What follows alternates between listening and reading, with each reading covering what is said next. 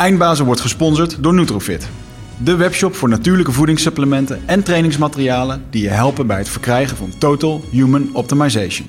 Nutrofit is hofleverancier van merken zoals Onnit, Natural Stacks en Bulletproof Coffee. Probeer onze producten zonder risico door onze money back guarantee. Bezoek ons op www.nutrofit.nl. Bestel je voor 9 uur 's avonds, dan zorgen wij dat jouw bestelling de volgende dag geleverd wordt.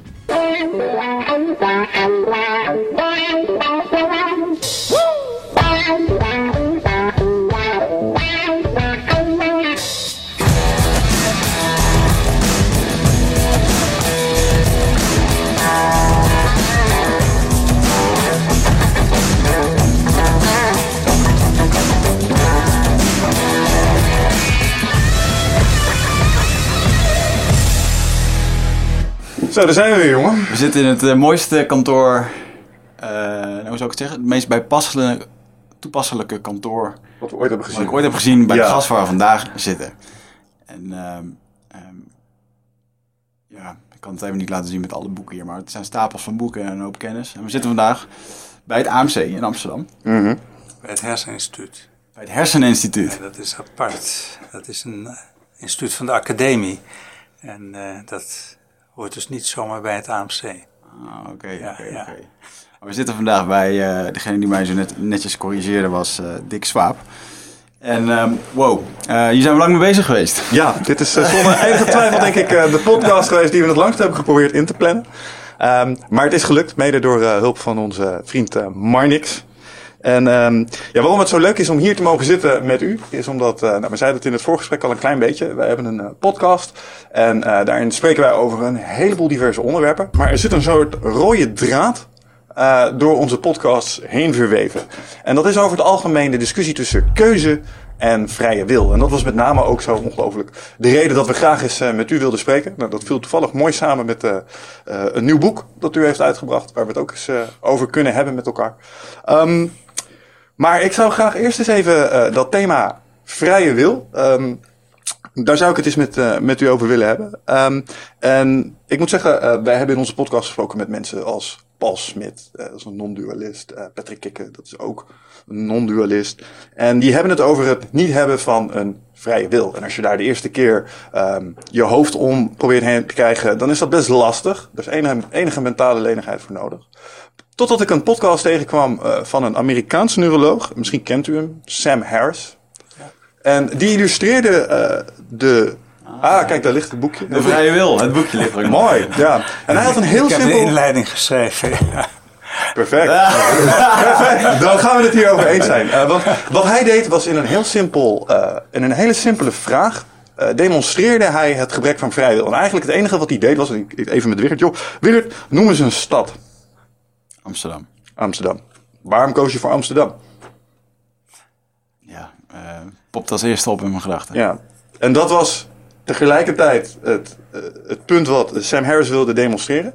Ehm, jij had daarnet waarschijnlijk een soort gedachteproces. En als we dit herhalen, dan ga je dat waarschijnlijk voorspelbaar nog een paar keer doen. Ehm, maar je kreeg een paar opties in je hoofd. Met steden die je kon noemen als antwoord op deze vraag. Maar ik weet zeker dat Amsterdam, Den Haag, Rotterdam echt niet de enige steden zijn die jij kent. Nee.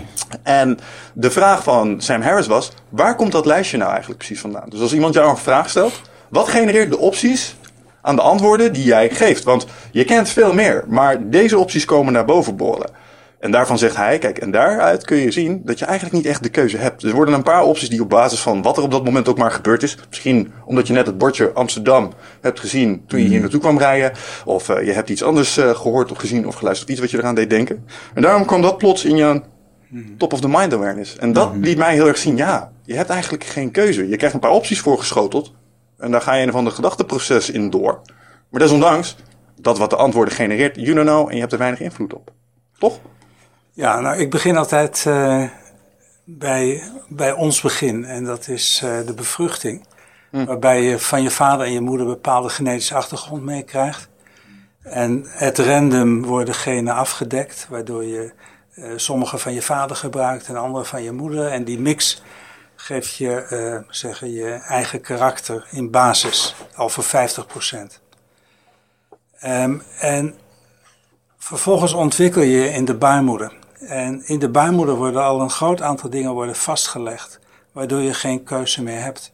Om iets te noemen, uh, of je later man of vrouw zal voelen, onafhankelijk van je genetische achtergrond, um, wordt vastgelegd voor je geboorte. Of je later homoseksueel of heteroseksueel of biseksueel zal worden, dat wordt vastgelegd voor de geboorte in de baarmoeder. En zo zijn er heel veel dingen waarvan je al uh, uh, bij je geboorte geen keus meer kan maken. Mm De keus is voor je gemaakt. Het IQ is voor uh, meer dan 80% bepaald door je ouders. Dus ligt bij de bevruchting voor meer dan 80% vast. dus je kunt daar ook al weinig aan veranderen. En zo kun je een hele lijst van eigenschappen, ook karaktereigenschappen noemen, die heel vroeg in de ontwikkeling zijn vastgelegd. Wow.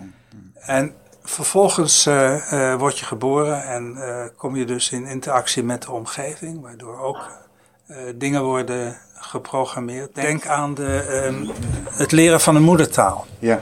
Dat zou niet handig zijn om dat in de baarmoeder te doen. Maar die eerste jaren dat je zo'n moedertaal leert, heeft het enorme invloed op de ontwikkeling van de hersenen. En dat is ook de reden dat als je later dan een andere taal leert spreken, dat je het doet met een accent. Want je doet het met een Nederlands brein. En dat is geprogrammeerd in zijn structuur voor die taal. En een andere taal, uh, daar heb je moeite mee. Mm um, en zo is er dus heel veel vastgelegd. Dat is het eerste punt. Het tweede punt is dat als je kijkt hoe beslissingen tot stand komen. En je hebt uh, toen net uh, even genoemd die beslissing om een naam te noemen. Uh, dan uh, worden die beslissingen onbewust genomen. Um, en een halve seconde tot zeven seconden later uh, komt wat je hebt besloten tot je bewustzijn. En dan ga je er een verhaaltje van maken. Ik heb dat besloten om die en die reden. De rechterkant van je hersenen die um, neemt die beslissing en de linkerkant van je hersenen maakt er een passend verhaaltje bij. Dat hoeft helemaal niet de waarheid te zijn, maar het lijkt passend. Mm. En iedere rechter weet daarom ook dat uh, als je een paar fragmenten van een gebeurtenis hebt gezien, dat het brein er een mooi verhaaltje van maakt. Mm -hmm. En je zweert dat het zo gebeurd is, maar dat hoeft helemaal niet zo te zijn. Je hebt echt het gevoel dat het zo gebeurd is. Maar dat kan uh, best anders zijn gelopen.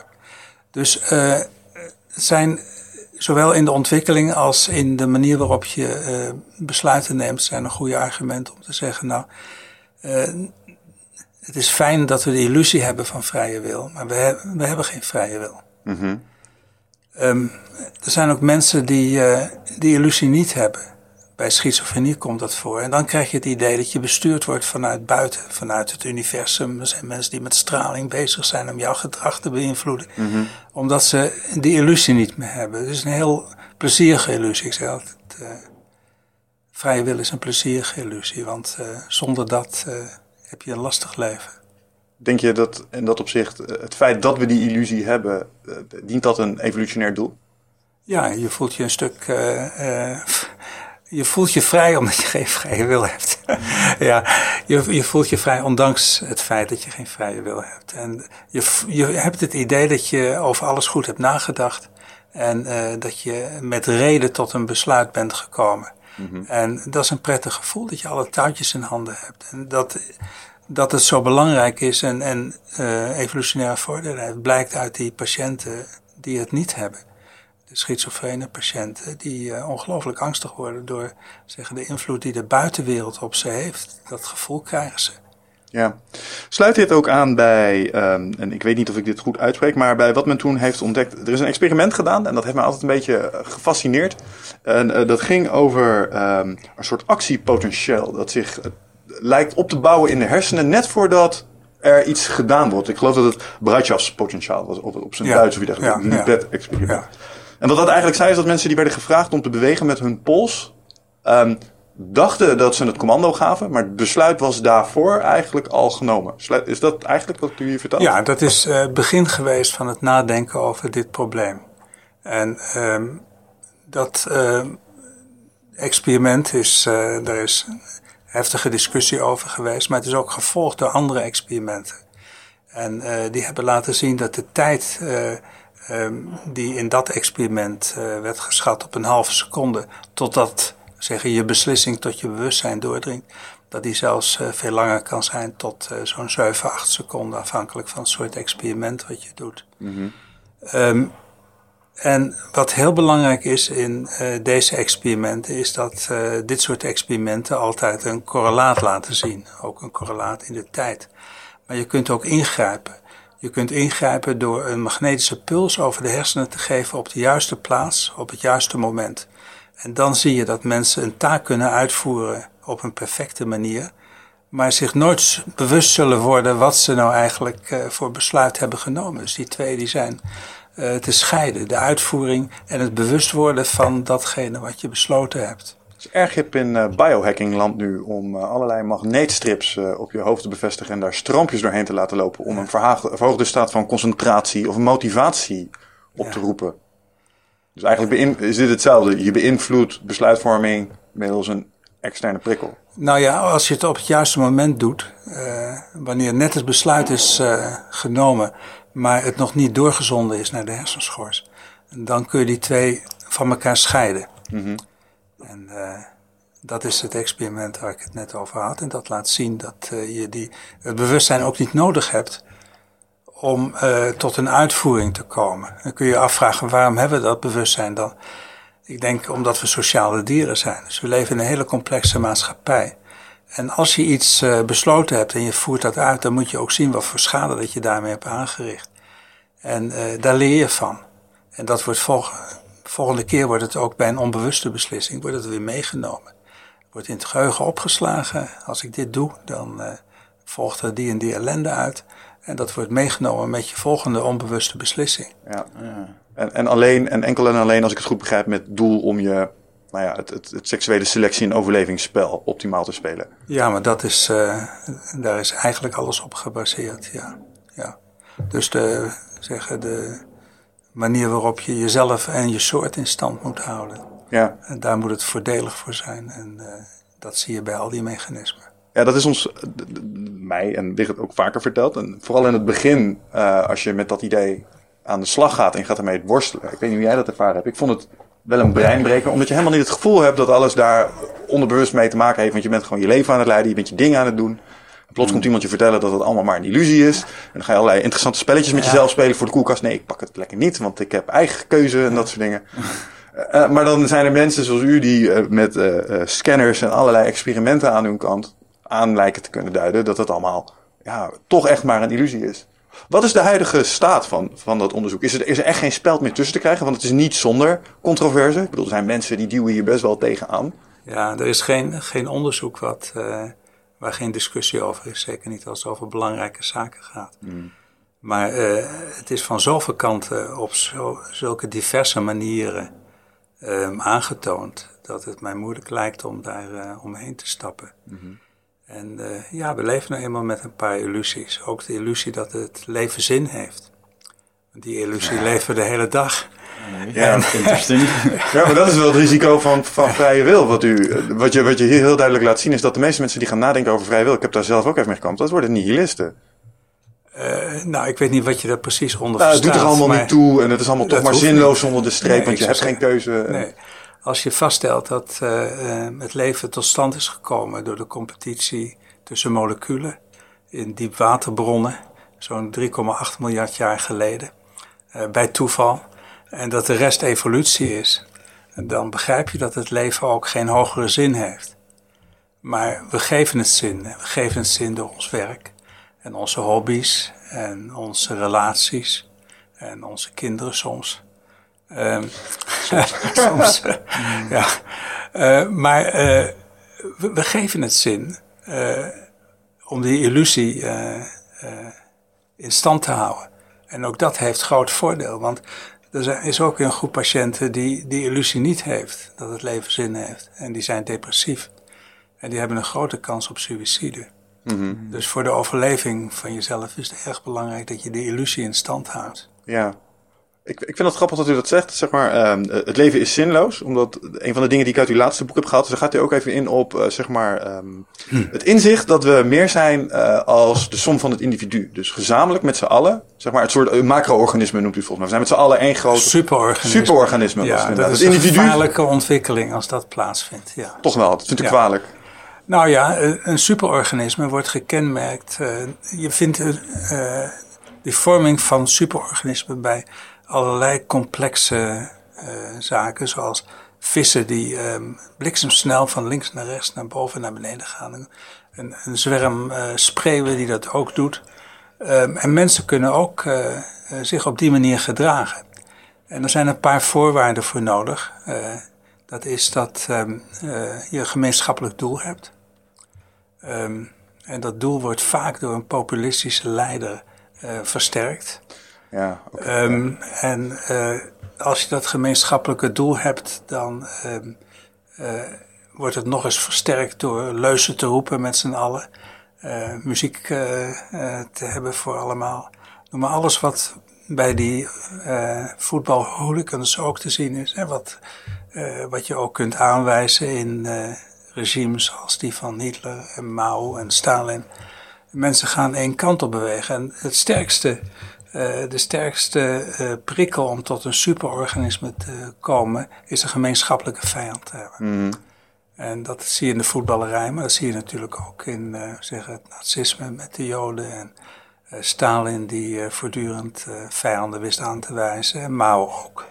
Ja, oké, ik snap het. Maar zit er niet, en hoe ik op deze vraag kwam, is, zit er niet een stuk zingeving in een uh, een groter doel dienen. Ik snap dat de voorbeelden die je aanhaalt van uh, zeg maar superorganismes binnen onze uh, eigen planeet en bevolking, met zoiets als het nazisme, dat dat absoluut tegen de voortgang werkt. Maar als je nou eens gaat kijken naar een ontwikkeling die je ook ziet, dat mensen snappen, hé, hey, we zijn globaal allemaal met elkaar verbonden. En het effect dat we hier, zeg maar, uit, uitoefenen op de wereld, dat, dat gaat helemaal door tot aan de andere kant van de wereld inmiddels. En daar moet je bewust van zijn. Kan daar niet een stukje zingeving aan ontleend worden?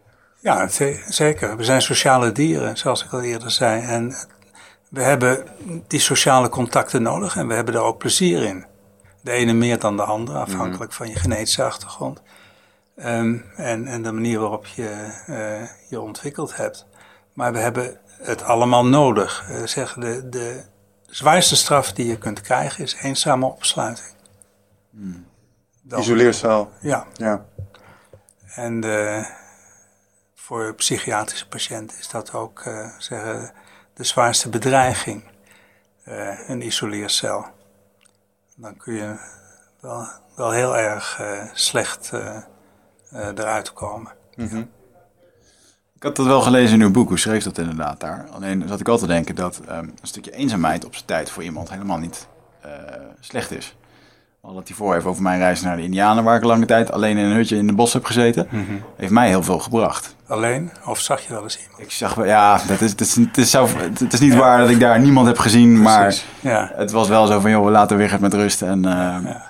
Uh, maar zeker, niet apart in een hokje en uh, nee. dat doet er wat met je. Nee, isoleert zelfs nog iets anders dan in, in de rimboe zitten en... Mm geïnteresseerd zijn in die paar dingen die uh, om, om, je heen gebeuren. Maar heeft het dan te maken met wat er, dat je brein geen prikkels meer ontvangt, waardoor je um, als het ware je brein misschien een soort van laat afsterven? Is dat een goede, mag ik dat zo zeggen? Of nou, dat, dat, gebeurt niet. Het, het tegendeel gebeurt. Um, wanneer je brein geen prikkels ontvangt, um, en dat geldt voor, voor alle zintuigen, dan gaat het gebied van de hersenen, wat normaal die prikkels verwerkt, uh, gaat harder werken. En um, dat zorgt dat die prikkels die normaal van buiten komen, dat die van binnenuit lijken te komen. Mm. Dus als je doof wordt op oudere leeftijd, dan kun je tinnitus krijgen. Dan kun je de hele dag door liedjes horen, muziek horen. Het kan het Wilhelmus zijn, maar het kunnen ook schoolliedjes zijn. Uh, en dat is een vorm van hallucinatie. En mensen die slecht zien op oudere leeftijd en de zon uh, gaat onder, dan kunnen ze uh, opeens mensen met hele mooie kleding kunnen ze zien, mm. um, gaan hallucineren. En um, zeg, mensen die in de bergen lopen in een eentje, die kunnen opeens voetstappen achter zich horen en angstig worden. En van zeezeilers is het ook bekend dat als ze tijdelang dobberen uh, zonder dat er wind is en alleen de horizon zien ze, uh, dat er opeens aan de horizon zo'n stad verschijnt. Terwijl ja. Google Earth zegt dat er niks is.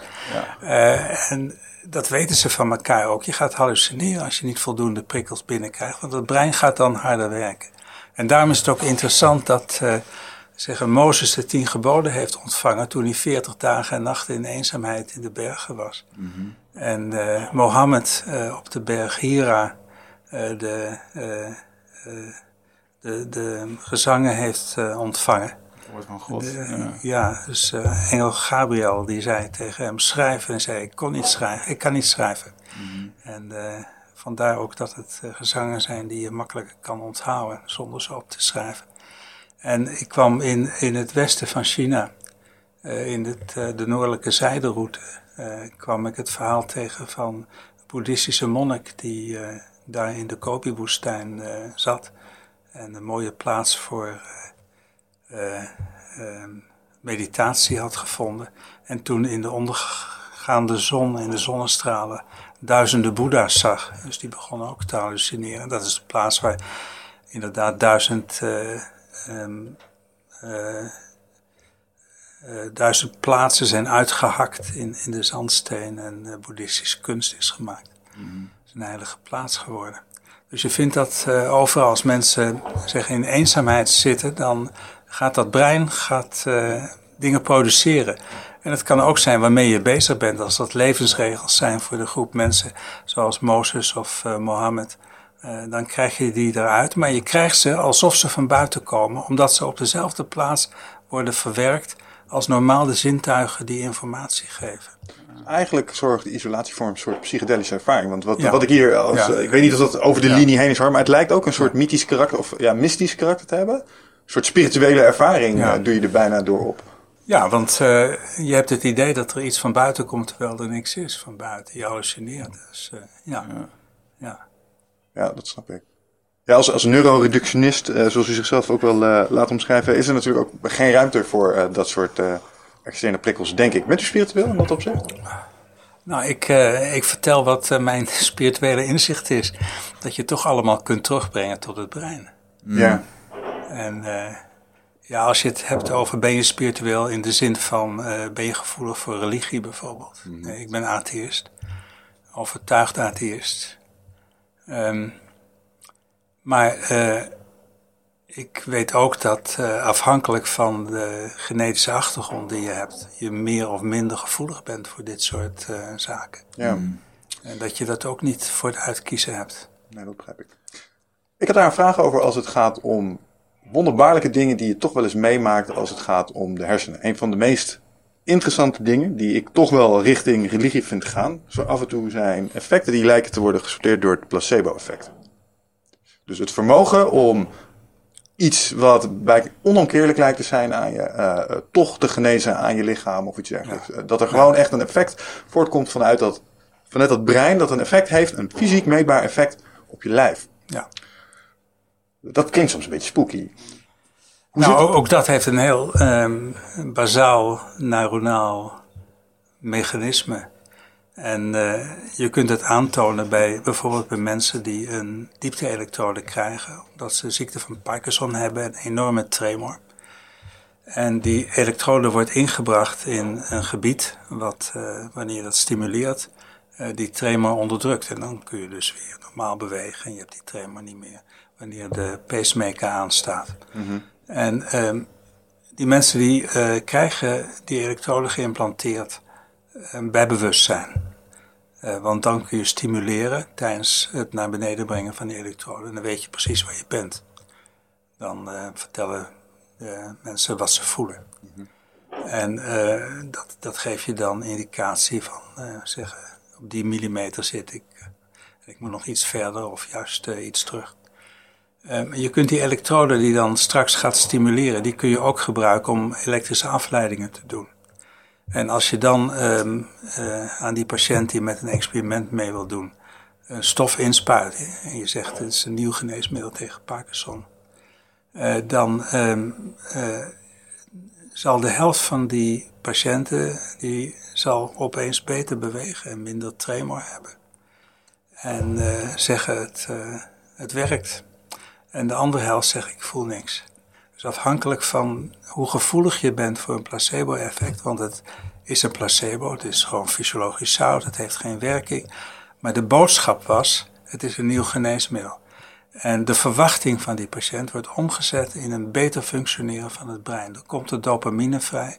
Dat is het probleem van Parkinson-patiënten, dat ze te weinig dopamine vrijmaken. En uh, daardoor kan dus de helft beter bewegen voor een tijdje.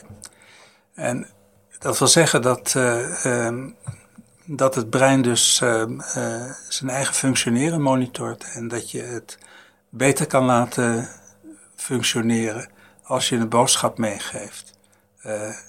zoals zo'n placebo-boodschap. Dus als iemand pijn heeft en je zegt een nieuw geneesmiddel tegen pijn, dan weten de hersenen dat er um, opiaatachtige stoffen vrijgemaakt moeten worden. En dat werkt tegen de pijn. En als je iemand een onwerkzaam middel geeft, is dat een goed middel tegen depressie, dan uh, gaan de hersenen in het voorste deel hun activiteit verhogen, de prefrontale cortex, en in de hypothalamus de activiteit verlagen. Dat is precies wat je nodig hebt om uit een depressie te komen. Dus um, de hersenen monitoren uh, hoe, het, hoe ze functioneren en uh, kunnen um, het beter laten functioneren bij psychiatrische ziekten. En een hulp daarbij is een placebo. Wat ik daar interessant aan vind is dat het de doorslaggevende factor lijkt te zijn de overtuiging, toch? Ja. Je moet het wel echt geloven. Ja, ja en nee. Want um, het probleem in Nederland is dat uh, je mag geen placebo geven zonder dat je zegt dat het een placebo is. En als je nou tegen een patiënt zegt, uh, dit is een placebo, er zit geen werkzame stof in, maar er zijn nogal wat publicaties die laten zien dat het toch effecten heeft. Dan werkt het. En denkt u dat het beter zou werken als je wel zou mogen jokken erover? ja, ik denk dat het beter werkt. Ja. En ik zeg altijd, een goede dokter is een wandelend placebo. Daar heb je vertrouwen in. En dat is al de helft van het probleem opgelost. Ja. Ja. Ja, dat vind ik interessant. Um, in het verlengde daarvan, um, iets wat daar een beetje tegenaan leunt. Wat is het vermogen van de hersenen om blijkbaar switches om te zetten in je DNA op het moment dat het wordt blootgesteld aan een hele externe stimuli? Het, het, mij is uitgelegd dat het feit, als ik voorouders heb die in de hongerwinter van de Tweede Wereldoorlog echt honger hebben gehad, dat er waarschijnlijk uh, allerlei switches zijn omgegaan in hun DNA-chromosoom, ik weet het niet, ik haal vast wat dingen door elkaar, waar ik potentieel generaties later nog invloed op heb. Ja. Hoe werkt dat? Dat is wat we noemen epigenetische effecten. Je hebt genetische effecten en uh, dat verandert de bouwstenen van het DNA. En epigenetische effecten veranderen niet de bouwstenen, maar uh, die worden bovenop, eh, het zijn chemische groepen die bovenop het DNA komen uh, te zitten en die zorgen dat een gen juist wel of juist niet wordt afgelezen. En wanneer je hele stressvolle situaties meemaakt, als kind bijvoorbeeld, het kan in de baarmoeder zijn, het kan in de vroege ontwikkeling zijn, dan ehm, bereidt het brein zich eigenlijk voor op stressvolle omstandigheden. En dat wil zeggen dat je stresssystemen in de hersenen um, in een hogere versnelling worden gezet. Um, en dat kan, dat kan je beschermen. Maar wanneer ze zeer actief zijn, die stresssystemen, dan kan je ook in een depressie schieten als er iets in de omgeving gebeurt waar de meeste mensen boos of verdrietig van worden. Dus je bent kwetsbaar voor depressies. En uh, dat is je ontwikkelingsgeschiedenis, waardoor je epigenetische veranderingen in je DNA meekrijgt. Hmm. Dus de nuance is wel dat die stressbron moet zijn tijdens je zwangerschap. Dus het is niet het geval dat zeg maar, je oma was niet zwanger van je moeder, maar heeft wel een hongerwinter doorgemaakt, dat daardoor iets in haar gen nou, veranderd is? De, de, er zijn dierexperimenten die laten zien dat je sommige epigenetische effecten ook kan overerven. Hmm. En uh, er wordt nu gedacht dat mogelijk de tweede, derde generatie problemen van uh, uh, kinderen van mensen die in de natiekampen hebben gezeten, die op zo'n mechanisme zouden kunnen berusten. Maar het kan ook zijn dat dat komt omdat de kinderen worden grootgebracht door ouders die zo zulke ellende hebben meegemaakt. Mm -hmm. Dat dat zeggen, sociaal overkomt. Dus uh, er zijn wat betreft mensen niet uit wat er wel en niet overgeërfd kan worden van die epigenetische effecten. Maar bij proefdieren weten we dat sommige kan dat inderdaad generaties doorwerken. Wow. Ja. Dat is merkwaardig. Ik had een vraagje omtrent als we het toch hebben over uh, kinderen en doorgeven. Ik las in, uh, in een van uw hoofdstukken dat 75% van het hersennetwerk, van het neuronetwerk, moet nog aangemaakt worden na de geboorte. Ja. Dat is best wel veel. Um, en dan zat ik te denken, Um, is er dan, is er volgens u een soort van biohack voor het creëren van een superbaby? Die, um, waarbij we de hersenen, want die, die 75% moet dus uh, schijnbaar gaat aangemaakt worden. Maar mij lijkt het dan dat die extra goed wordt op het moment dat we die heel veel verschillende prikkels geven. En heel veel verschillende smaakjes laten proeven en doen. Ja. Kan je daar wat over vertellen? Nou ja, dat is in feite wat we noemen een verrijkte omgeving. Uh, je moet het kind stimuleren op het niveau van zijn ontwikkeling. En dan krijg je een optimale hersenontwikkeling. Het is heel belangrijk voor die hersenen om gestimuleerd te worden tijdens de ontwikkeling. En kinderen die uh, niet uh, gestimuleerd worden, kinderen die verwaarloosd worden, kinderen die misbruikt worden, die uh, komen nooit tot de optimale hersenontwikkeling. Maar dan heb ik het dus niet over een superbrein, dan heb ik het over optimale ontwikkeling. Ja. En als je verder wil gaan, dan moet je in feite opboksen tegen 3,8 miljard jaar evolutie. Want zeggen alle combinaties zijn wel uitgeprobeerd. En om iets te vinden wat nog beter is dan in die 3,8 miljard jaar is uh, uitgeprobeerd, moet je van goede huizen komen. Ja. Dus het is heel makkelijk om schade te berokkenen aan de ontwikkeling.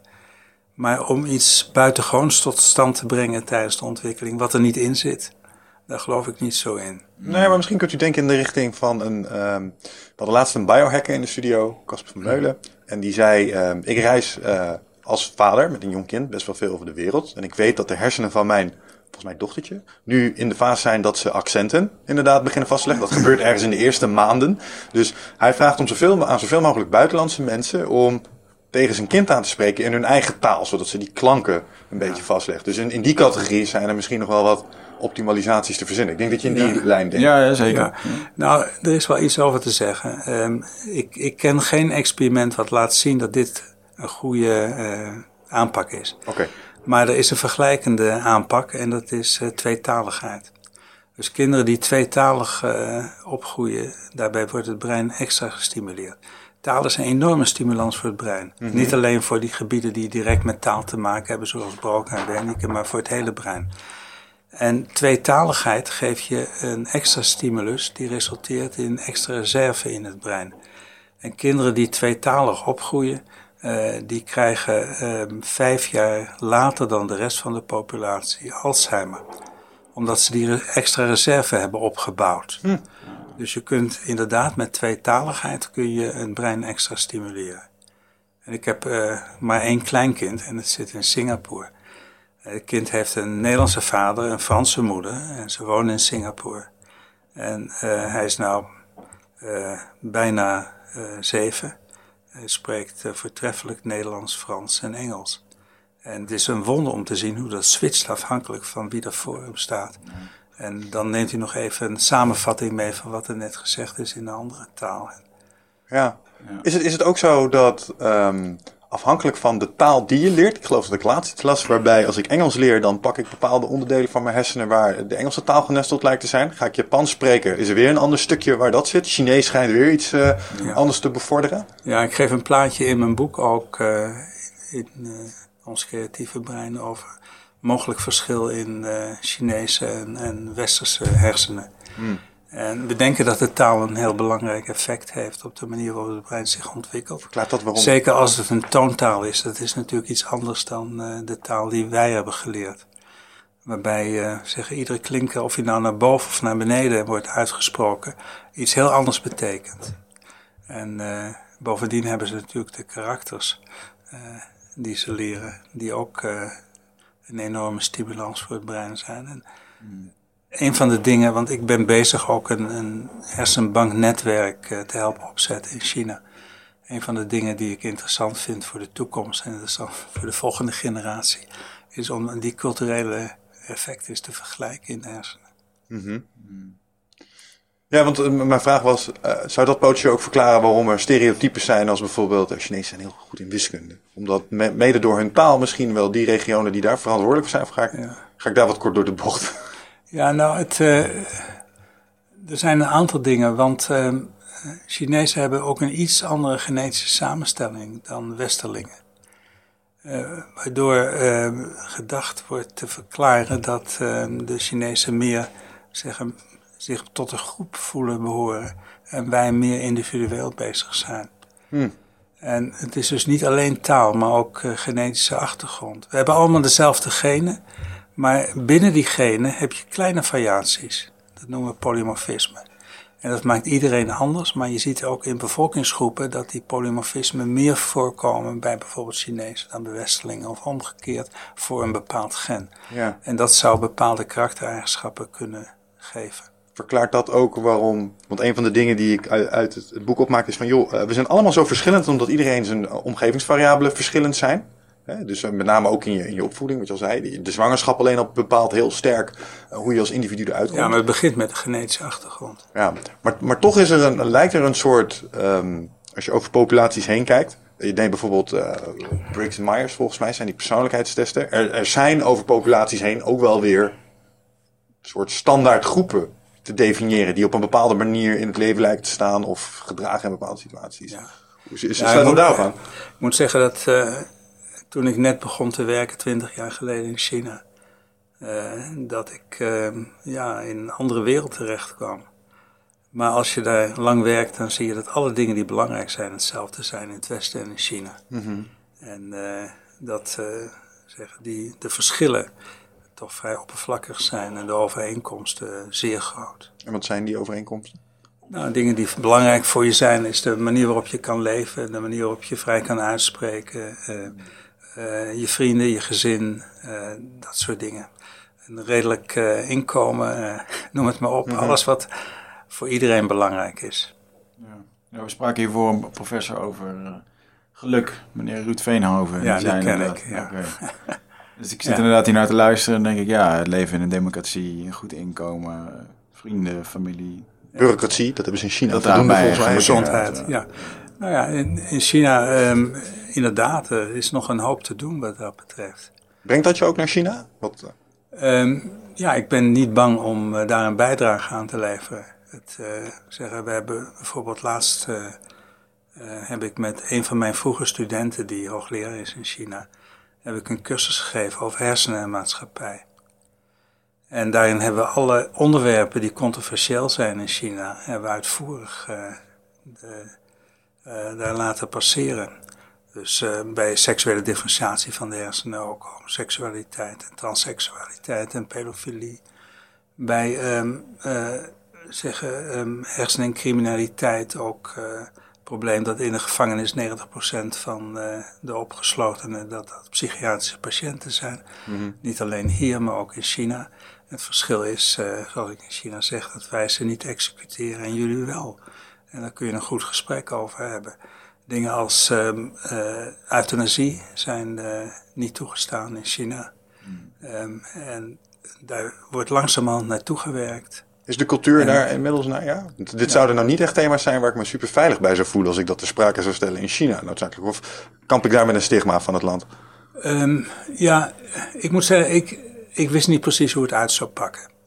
Ehm, en we verwachten dat er 35 studenten op die cursus af zouden komen. Ehm, het was een cursus die over verschillende faculteiten heen aangekondigd werd. En eh, men kon er ook eh, vanuit diverse faculteiten aan meedoen. En er kwamen onmiddellijk 85 mensen, dat was het maximum wat we hadden gesteld.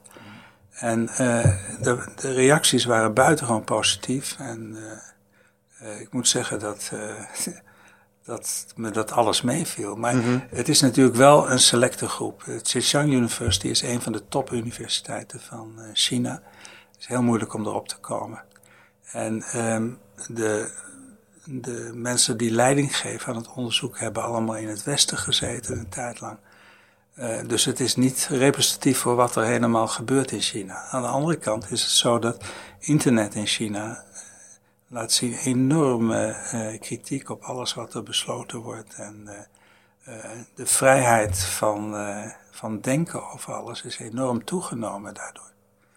Dus eh, je zit wel in een speciale periode, ook op een speciale plek. Ja, omdat de overheid daar ook nog wel een beetje op terugdrukt. Ik geloof dat Apple Ja. laatst de wereld weer een beetje had teleurgesteld door een paar apps uit, uit de store te halen. Waarmee je in China eh, langs de omzeiling van de overheid, of eh, de blokkades van de overheid op het internet kon.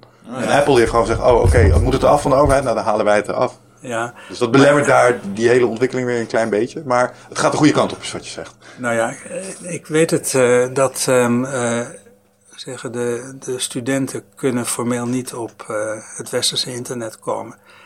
Maar ze kunnen allemaal wat zij noemen climbing the wall. Dus eh, klimmen over de muur heen. En ze hebben allemaal programma's voor. En ze zien Amerikaanse films eerder dan ik. Ja, ja, ja, ja, ja. ja dat geloof ik ook wel, ja. Bijzondere, bijzondere samenleving daar inderdaad. Ja, het is, uh, het is interessant om die hele boom van China van binnenuit mee te maken. Mag ik even een switch maken naar, uh, als het gaat naar de ontwikkeling van je brein? Ik las een aantal enge dingen. Ah, um, ja, um, ik las iets over de verandering van het brein. Ik ken toevallig een verhaal van een vriendin van mijn uh, moeder. Die kreeg een tumor in de hersenen. En uh, die veranderde daardoor als persoon. Uh, die begon in één keer te lachen over dingen waar ze vroeger, wat gewoon echt niet haar humor was en zo. En dus het werd echt gewoon een ander mens. Um, nu las ik daarin ook uh, ja, dat dat bij ons kan gebeuren. Dat de, ik heb het hier even opgeschreven. Dat de vaatafsluiting in de thalamus, die kan ervoor zorgen dat je op vroege leeftijd gaat dementeren. Uh, nou, dan las ik nog een aantal van dat soort dingen. Wat zijn nou dingen waarvan u denkt, um, dit is eng en hier kan je het volgende aan doen? ja. Of is daar niet zoveel aan te doen?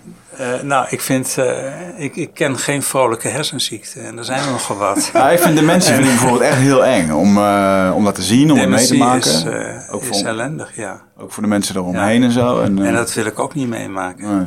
Dat heb ik ook goed vastgelegd. Ja. En dat weet iedereen. En, ja, dus eigenlijk dat, je zegt dat is wat je eraan kan doen. Je kan er afspraken over, over maken mm -hmm. met je omgeving. Ja, ik, uh, er is een lange termijn en een korte termijn denken daarover. En lange termijn denken ben ik mee bezig in de zin van wat zijn de vroegste uh, moleculaire veranderingen bij Alzheimer. En kun je op basis van die kennis uh, kun je voorstellen om dat brein te stimuleren ook in fases waarin het niet meer werkt. Dat is het soort onderzoek wat ik doe. En dat is lange termijn en dat loopt waarschijnlijk over generaties heen. En de korte termijn is dat, uh, dat ik me in heb gezet voor uh, euthanasie bij uh, dementie. Mm. En dat ik me ook heb ingezet als een van de initiatiefnemers voor de euthanasie bij voltooid leven. Hey eindbazen luisteraar, dankjewel dat je zit te luisteren naar deze podcast. Ik onderbreek hem eventjes voor een hele belangrijke boodschap. Of misschien liever gezegd een uitnodiging. Want op 24, 25 en 26 mei dan is er weer een nieuwe editie van Rite of Passage. Dat is mijn retreat voor persoonlijke ontwikkeling. En speciaal voor de mensen die op zoek zijn naar, ja, naar helderheid. Of dat ze lastig bij hun gevoel kunnen komen. Dat ze moeilijke beslissingen moeten maken. En dat ze zo ontzettend in hun hoofd zitten. Ja, dat ze er eigenlijk gewoon niet meer goed uitkomen. Of dat ze misschien al heel lang in een, ja, een soort van oud gevoel zitten. Dat ze dat gevoel willen transformeren. Of misschien wil je gewoon een oud stuk achter je laten, ergens een punt achter zetten. En ja, zoek je misschien heling op iets wat, wat je te lang hebt weggeduwd of, of hebt vermeden. En daarvoor wil ik je uitnodigen op 24, 25 en 26 mei om in een retreat mee te doen waar de inhoud van het programma geheim is. Waar de belofte is dat het oncomfortabel wordt. Want jij begrijpt als geen ander dat als je die volgende stap wilt maken, ja, dan zul je uit de comfortzone moeten komen. En ik garandeer je, laat mij dat proces begeleiden met jou voor drie dagen en je leven zal daarna nooit meer hetzelfde zijn. Gemiddeld beoordelen de deelnemers het met een 9,2. En daar ben ik ontzettend trots op. Er is ook een money back guarantee. Heb je de drie dagen vol, volbracht en vind je het niks, krijg je gewoon je geld terug. Dus het enige risico wat er is, is dat je gelukkiger kan worden. Ik zie je Bride of Passage. Ga naar wichertmeerman.nl en klik op Retreat. Ja, dat zit ik me wel af te vragen, want zoiets kun je eigenlijk niet alleen als van tevoren regelen. Want op het moment dat je midden in je Alzheimer zit, ja. kun je denk ik niet meer redelijkerwijs dat besluit nemen. Ja. Om, uh... Els Borst die zei altijd, als ik mijn kleinkinderen en mijn kinderen niet meer herken, dan wil ik euthanasie. Ik zei, dat is te laat. Dat is echt te laat. Wat moet je dan, ja. Zij zei, als ik het opschrijf, dan moeten de artsen dat doen. maar het probleem is dat als iemand niet meer kan bevestigen dat hij er nog zo over denkt, Mhm. dan is er geen arts die het doet. Dus je kunt het wel wettelijk vastleggen en je kunt wel uh, het recht aan je kant hebben, maar er is niemand die eraan meewerkt. Dus je moet het in een vroege fase doen. Stuit dit tegen veel weerstand? Nou, steeds minder. Ja. Steeds minder, ja. Het, uh, ook daarvoor geldt het de laatste vijf jaar dat er een forse toename is van uh, euthanasie bij vroegere dementieën. Mensen vinden dat steeds acceptabeler. En euthanasie in, in brede zin? Ja, euthanasie is natuurlijk al een, sinds, de, de wet is geaccepteerd in 2002. En uh, um, sindsdien is um, euthanasie bij kanker en dat soort uh, ziektes is uh, heel goed breed geaccepteerd. Ja. En er waren eigenlijk drie groepen waarvoor het een probleem was. Dat was dementie. Um, daarvoor is het we hebben vanuit de NVVE een rapport erover opgesteld en we zijn ook het land ingegaan om mensen te informeren daarover. Het, uh, als je die fases herkent van de dementie, uh, dan weet je dat je in een vroeg stadium tot een overleg moet komen met mm. een arts die dat wil doen. Mm. En dan kun je samen beslissen wat het juiste moment is. Dat is één groep. De tweede groep is de mensen met psychiatrische stoornissen. Schizofrenie, depressie. Um, als mensen in een acute fase zitten, dan kunnen ze niet um, goed nadenken over die situatie.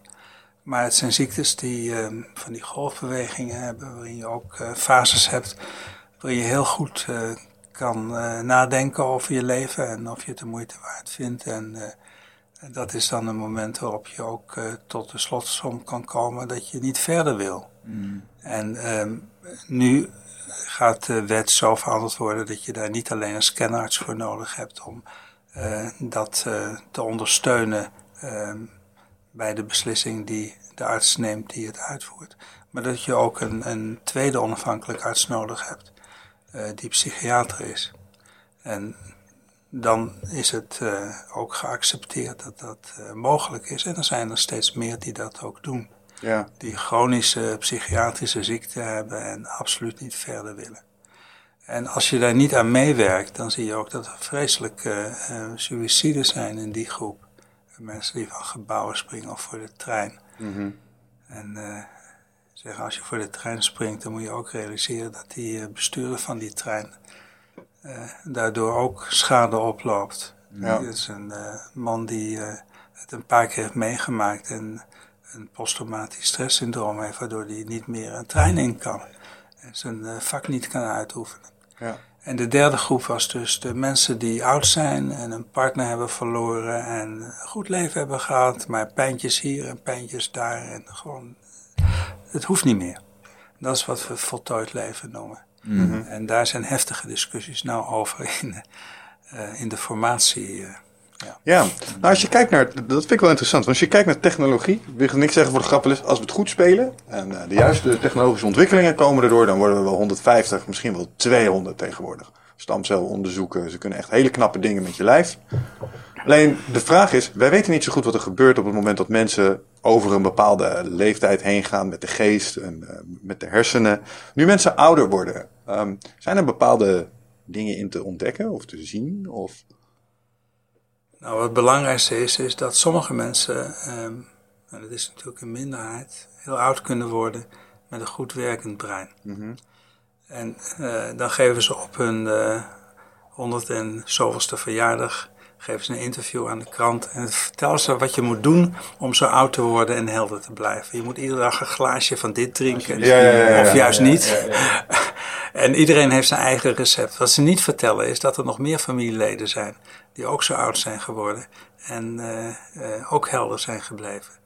En de genetische uh, basis is meer dan 50% daarvoor. Mm. Dus je begint al met een aanleg voor oud worden op een gezonde manier. Mm -hmm. Sommige mensen zullen het nooit halen, gewoon door een genetische aanleg. Ja. De, en dan zijn er een aantal dingen die, ja, waardoor je zeggen, Alzheimer kan uitstellen. Mm -hmm. En dat is dus het stimuleren van het brein.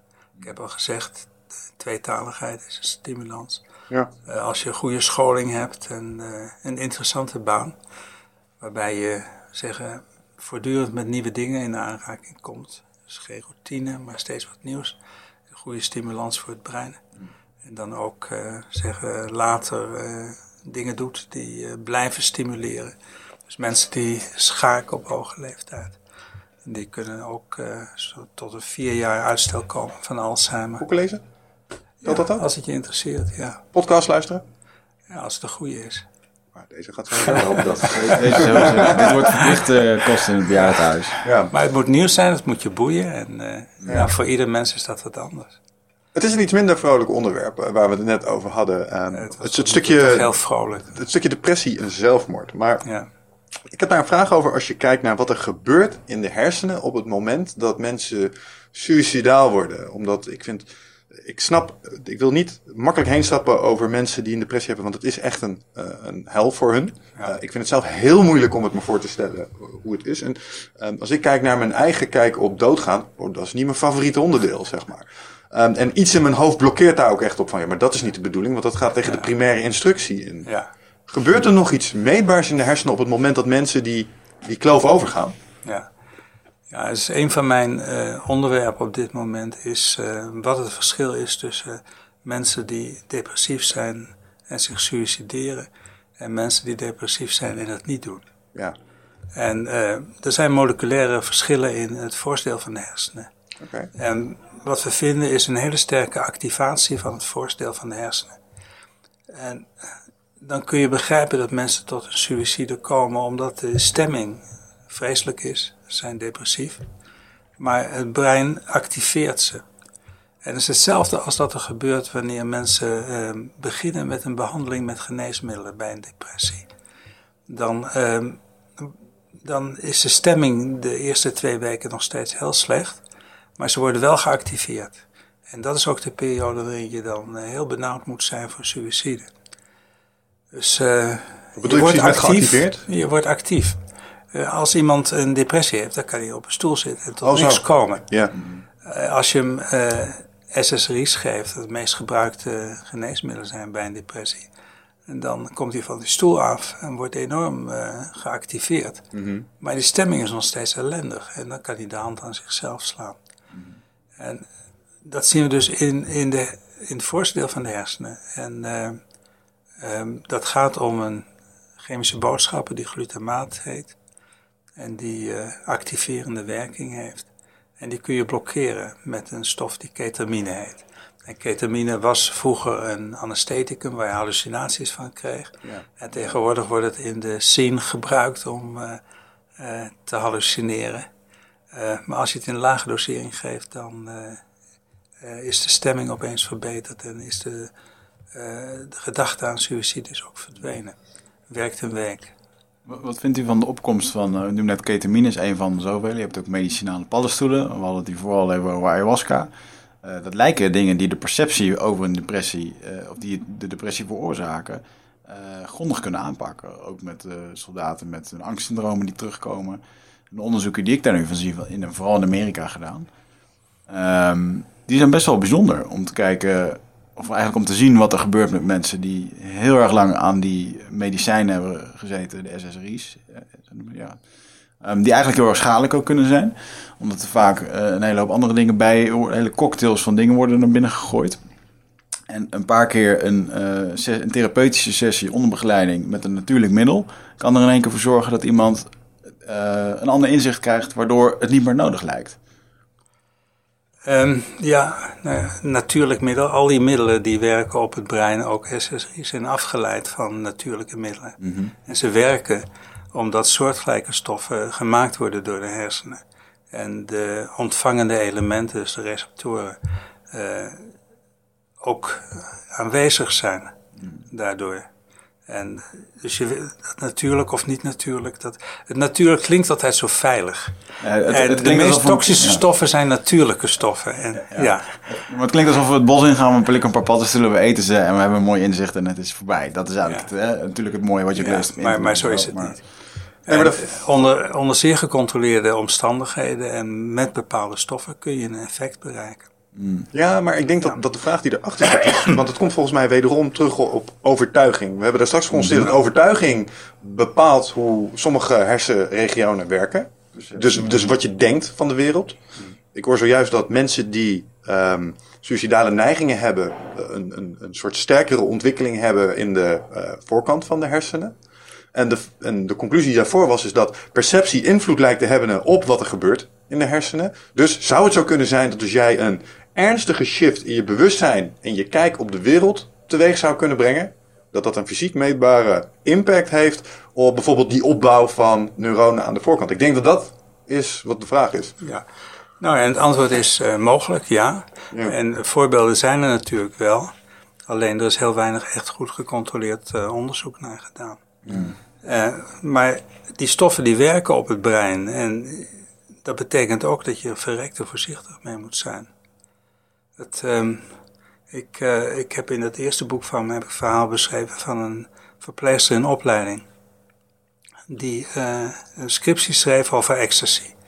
Toen dacht ze, nou, het is wel gek om iets te schrijven over een stof die ik zelf nog nooit gebruikt heb. Dus ze heeft met vrienden afgesproken, op Koning, Koninginnedag was het toen nog, eh, ga ik het een keer gebruiken. En ze had gelezen dat je veel water moest drinken. En nou, ze heeft het zeker voor het onzeker genomen. En eh, anderhalve liter water gedronken en ecstasy genomen.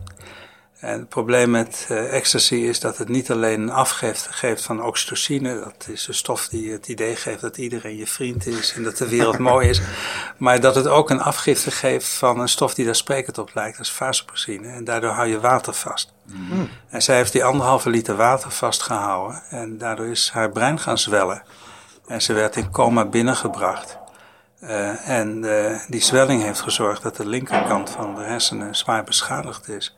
En ze heeft een permanente schade in, in de spraak, in de fijne motoriek, eh, noem maar op. En ze heeft de opleiding moeten beëindigen. En er gebeuren toch veel ongelukken met stoffen die zogenaamd zeggen, natuurlijk of veilig zijn of Ja. wat dan ook.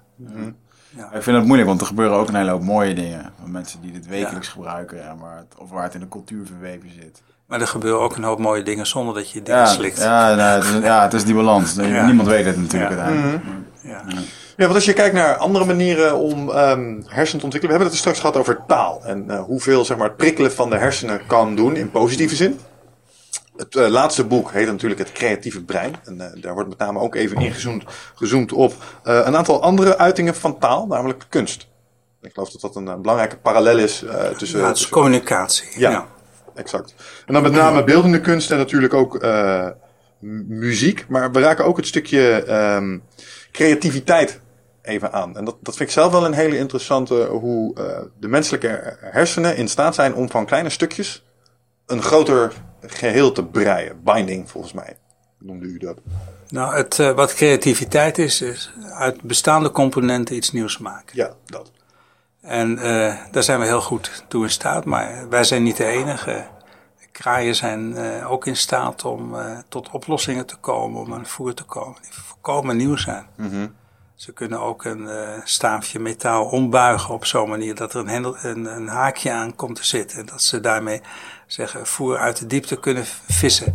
En ze kunnen ook steentjes gooien in een eh, kolom waar water in staat. eh, waardoor eh, zeggen, het voer naar boven komt als die steentjes erin Dat gooit. is natuurkunde. En ja, ja, ja. Dus we zijn niet de enige, maar we kunnen het wel het beste.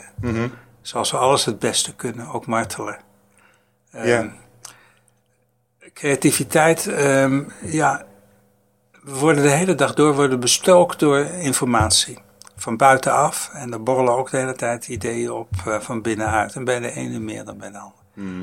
Ehm, en wanneer je al die dingen zou eh, verwerken die binnenkomen, dan zou je stapelgek worden. Dus je moet focussen. En dat focussen gebeurt door die informatie te filteren in, in de thalamus, het diepe gedeelte van de hersenen, en het voorste deel, de prefrontale cortex. En sommige mensen ehm, hebben een filter wat heel erg nauw is en waardoor heel weinig binnenkomt. En die moeten boekhouwer worden. En andere mensen die hebben dat filter veel wijder openstaan en die kunnen eh, zeer creatief zijn. En sommige mensen hebben dat filter zo wijd openstaan dat ze niet alleen zeer creatief zijn, maar ook op het randje van de mogelijkheden leven. En dat zie je bijvoorbeeld bij bipolaire eh, eh, depressies. Dus mensen die manisch-depressief zijn, dat ze in zo'n hypomane fase enorm creatief zijn, fantastische dingen doen en eh, daarna weer in de diepte van een depressie schieten. En die creativiteit die kun je inderdaad ook met chemische stoffen kun je die beïnvloeden. Er zijn mensen die onder alcohol eh, creatiever worden. Er zijn ook goede experimenten over gedaan bij kunstenaars. Maar er zijn ook een hoop mensen die dat niet hebben. En L-dopa is een stof die wordt bij Parkinson gegeven. Ehm, en geeft ehm, een verhoogde creativiteit. Er zijn kunstenaars die geen Parkinson hebben, maar wel L-Dopa slikken. Omdat ze dan creatiever zijn. Ja, ik las het. Wij hebben een webshop in Nootropica. Is dit iets wat je gewoon eh, legaal kunt verkrijgen? Of is dit, eh, L-Dopa, nee. is dit een echt Nu wel, we hebben nu een contact. Dick regelt dit voor ons. Ik- Ja, ja, ja. Binnenkort verkrijgbaar. Nou, via internet is alles te krijgen. En de vraag is Ja, Slikt wat u zelf iets voor, eh, voor het brein? Eh, supplementen of eh, voor de elasticiteit of voor, de lang, voor het lange wat, ik, houdbaar? wat ik slik is eh massa's koffie, Cafeïne, ja. soms wat thee. En aan het eind van de dag eh, leg ik de machine stil met whisky. Alcohol. Ja. Ja. Dat is het geheim. Ja, blijkbaar toch. En is, dat omdat dat, is het dan de stressregulerende eigenschap van, eh, van het goedje om te, om te ontspannen? Ja, ja. Dus eventjes eh, de machine tot rust brengen. Ja. Ja. Die hypomanie, hè, waar u het eh, over had, eh, het, het ging over filters en creativiteit. Ja. Eh, en het lijkt erop dat mensen die heel goed zijn in eh, iets met kunst, beeldende kunst, muziek, dans, artiesten, ehm, die lijken allemaal een beetje, nou labiel wil ik niet zeggen, maar ze hebben wel allemaal rollercoasters over het algemeen in hun leven. Ja. Ehm, gaat dat hand in hand, denk je? Als je artiest bent, heb je ook die filters wagenwijd openstaan en ben je dus gevoelig voor dat soort... In China is eh, de oudste kunstacademie staat in, eh, in Hangzhou. En dan geef ik wel eens college. En dan de meest gestelde vraag is: eh, om een topkunstenaar te worden, moet je daarvoor gek zijn? Ja, En mijn antwoord is altijd: het moet niet, maar het heeft wel vaak geholpen. het helpt. ja. Ja, want ehm, een van de dingen die je omschreef daarin was, eh, je noemde het net, hè, hypomanie. Dat zijn van die, eh, van die momenten waarbij eh, artiesten helemaal in zichzelf lijken te keren, ehm, helemaal aan het broeden zijn. Het gaat vaak niet al te best met ze en dan plots komen ze weer voor de dag. En dan komt er van alles uit. Nieuwe nummers, nieuwe boeken, nieuwe teksten. Ja. En nou wil ik niet zeggen dat ik zulk gedrag heb, maar ik merk ook wel eens aan mezelf dat er periodes van activiteit en inactiviteit zijn waarbij je even aan het broeden bent op iets of zo. En ik vraag me wel eens af, zijn die momenten van inactiviteit of ehm, ook niet nodig om het allemaal bij elkaar te rapen en dat hele proces van het in elkaar bouwen? Ja, nou het is in ieder geval zo dat als je naar oplossing aan het zoeken bent en je laat het een tijdje liggen, dat wel degelijk het brein doorgaat. Ja, Dus je kunt opeens die oplossing krijgen als je aan het douchen bent. Of eh, sommige mensen krijgen het tijdens het slapen. Eh, ik heb wel eens een bloknoot naast mijn bed gelegd en genoteerd wat voor briljante ideeën dat ik dan kreeg s'nachts. Maar dat stelde niks voor de volgende dag. Eh, er zijn mensen die tijdens dromen hele eh, nieuwe ideeën krijgen, goede ideeën krijgen. Dat is heel individueel. Ehm, sommige mensen moeten, moeten wandelen en krijgen dan ideeën. Eh, maar het is zeker zo dat het, het brein blijft doorwerken ook als je met iets anders bezig bent. Ja. Als je met een probleem zit. is dat een mythe die, die, die wel soort? Want ze zeggen dat je onderbewuste brein eh, doet veel voor je, maar schijnt ook niet alleen hier gelokaliseerd te zijn, maar schijnt ook voor een belangrijk deel eh, elders in je lichaam, met name je maagstreek, te zitten? Of is dat Nou, een... nou, het brein reguleert zeggen, ieder orgaan in je lichaam. En sommige mensen die denken dat het gevoel in het hart zit, omdat als je iets voelt, dat het hart gaat bonken. Aha. Maar dat komt omdat het brein het hart aanstuurt. Omdat het denkt er is iets bijzonders aan de hand. Moet vluchten of vechten. Eh, het is het brein wat dat allemaal doet. Maar magisch second brain noemen is medisch gezien niet terecht, zegt u. Nee, bij sommige mensen krijg je die indruk. Dat Sommigen zelfs het Ja. eerste brein is, maar nee. nee, het is allemaal secundair. En. Je kunt een hart transplanteren en dezelfde persoon eh, houden. En hetzelfde geldt voor longen. En, eh, Ja, ja, dat is wel heel praktisch inderdaad. En-. Ja, en als je kijkt naar eh, de, eh, de, de Olympiade voor gehandicapten. En dan zie je ook hoeveel je kan missen aan ledematen en toch een sterke persoon blijven. Het, eh, Dus dat, dat lichaam, ja, dat is secundair. ja. U, u noemde net het woord dromen. Dat vind ik ook wel een interessant spectrum. Wat, wat is dromen volgens u? Heeft het een functie? Ja, het heeft een aantal functies. Ehm, in de hersenontwikkeling hebben we experimenteel bij, bij proefdieren dromen uitgeschakeld in een korte tijd, twee weken. En dan die dieren laten ontwikkelen tot volwassenheid en ze getest op alle mogelijke gedragingen. En het waren dieren die eh, gestoord leergedrag hadden, gestoord seksueel gedrag. En ook heel onrustig sliepen. En we zijn toen teruggegaan naar eh, de gegevens in de kliniek, waarbij diezelfde stof zijn toegediend aan zwangere vrouwen. Ehm, omdat het een veilig antimigrainemiddel zou zijn. En uh, die kinderen, uh, die waren toen acht jaar oud, die bleken inderdaad ook heel onrustig te slapen en zelfs uh, vrij frequent te slaapwandelen en zo. Dus um, die dromen zijn belangrijk voor de hersenontwikkeling. Het stimuleert de hersenschors en het stimuleert daardoor ook de hersenontwikkeling. Um, en verder dromen um, zijn ook belangrijk uh, voor het uh, doorsturen van de informatie die je hebt opgedaan overdag naar de plaats waar ze uiteindelijk vastgelegd worden. Ze worden even opgeslagen in een bepaald hersendeel, hippocampus. En s'nachts worden ze doorgestuurd naar de hersenschors. Uh, wat recent duidelijk is geworden, is dat de dromen ook de periode is van de slaap waarin de harde schijf wordt schoongewist. Dus we krijgen enorme informatie overdag van allerlei dingen die je absoluut niet wil vasthouden. Je moet er niet aan denken dat je ieder ontbijt van de rest van je, van je hele leven zou uh, kunnen uh, vertellen. Dat al die onzininformatie moet weg. Mm -hmm. Dat geeft ruimte uh, voor het opslaan van dingen die wel van belang zijn. En tijdens het dromen wordt die harde schijf wordt schoongewist. Mm. Dus dat is een van die belangrijke eigenschappen van dromen. En hoe zit het met het trainende aspect van dromen dan? Je hebt volgens mij drie soorten dromen. Als je kijkt naar de dromen die ik heb. Ik heb dromen inderdaad eh, over als ik een drukke dag heb gehad. Dat je indruk ja. aan het verwerken bent. Ik heb een, uh, ik heb een set aan dromen die ieder mens heeft. Achtervolgd worden door een bos. Um, in vervelende, ja, verzuipen. Ja. Uh, in vervelende situaties komen sociaal. En ik heb daar wel eens een keer van gelezen dat het, um, dat het ook voor een deel is bijvoorbeeld het wegrennen door het bos vroeger werd je door roofdieren achterna gezeten. Dus er zit een soort voorprogrammering in, die je dat, die film maar vooral laat afspelen, dat jij die responses traint, je fight or flight. En dan heb je nog een derde categorie dromen, en dat zijn de dromen die je echt nooit meer vergeet. Heb je het van dat soort dromen gehad? Weet je wat ik bedoel? Ja, zeker wel. Maar ook wel de dromen die gewoon echt nergens, waarvan ik denk van, dit kan je alleen maar dromen. Daarom is het een droom. Zo gek is het. Dus, uh, compleet van het pad af. Zit, ja. zit daar nog een onderscheid echt in? Of is dat puur de beleving die je hebt? Nee, ik heb alleen maar nachtmerries. Het, uh, echt? Ja. Dat is ook niet gezond. Nee. ik heb, uh, ik denk, twintig jaar heb ik gedroomd dat mijn eindexamen niet meer geldig was. En dat ik twee weken kreeg om het over te doen. En dan zie je al die boeken voor je. En dan denk je, dat lukt nooit, twee weken. Sommige dingen kun je overslaan. Ja, ja, ja, ja, Is het dan een onderbewust faalangst wat ervoor zorgt uh, dat dit naar voren komt? Ja, Freud uh, die beschreef dat al als de examendroom.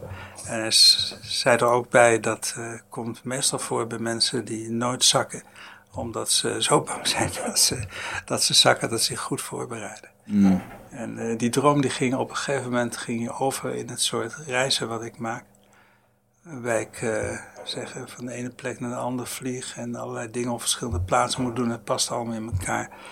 En uh, dan neem je het verkeerde vliegtuig en je vergeet je, je computer, je slides mee te nemen. Of, alles gaat mis gewoon. Ja. En dus ik ging naar mijn vader toe en ik zei, ik heb nou een switch in mijn droom. Want die eindexamendroom, dat is voorbij. Nou heb ik dit. Vraag me af hoe lang dit gaat duren. Hij zei, dat kan ik je vertellen. De rest van je leven. Mm. het ook. Ah. En ik heb een zoon die uh, altijd zei dat hij nooit zo'n gek uh, zou worden als ik. En uh, rustig aan zou gaan doen en zo. Op een gegeven moment kreeg hij de smaak te pakken. En hij moest toen zijn eerste internationale verhaal houden. Was in Parijs. En ik bel hem op. Ik zei, hoe is het gegaan? Hij zegt, prima. Maar ik had gisteren zo'n gekke droom.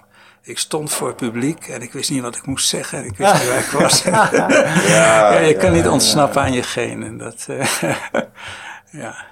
Dus die uh, verschillende mensen hebben verschillende dromen. Iedereen is uniek. En, uh, Mm -hmm. Maar er, maar zit er zitten patronen in. Daar zitten patronen in. En, ja. Maar zit er ook een speciale eigenschap aan, uh, bijvoorbeeld het soort dromen, zoals ik al zei. Ik, ik, kan me nu nog een droom van jaren geleden herinneren waarbij ik een, een kind had ik heb een keer gedroomd dat ik een kind had. Ik werd wakker. Het was er niet meer. Ik was echt diep, diep verdrietig. Het was zo ongelooflijk echt. Zeg maar, wat je daar, wat je daar hebt meegemaakt. Ja.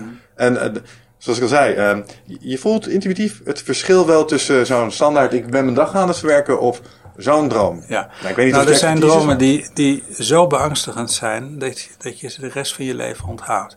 Maar het is een algemeen uh, proces dat uh, dingen die, uh, die beangstigend zijn, die worden veel beter vastgelegd. Die krijgen een stempel van de amygdala belangrijk.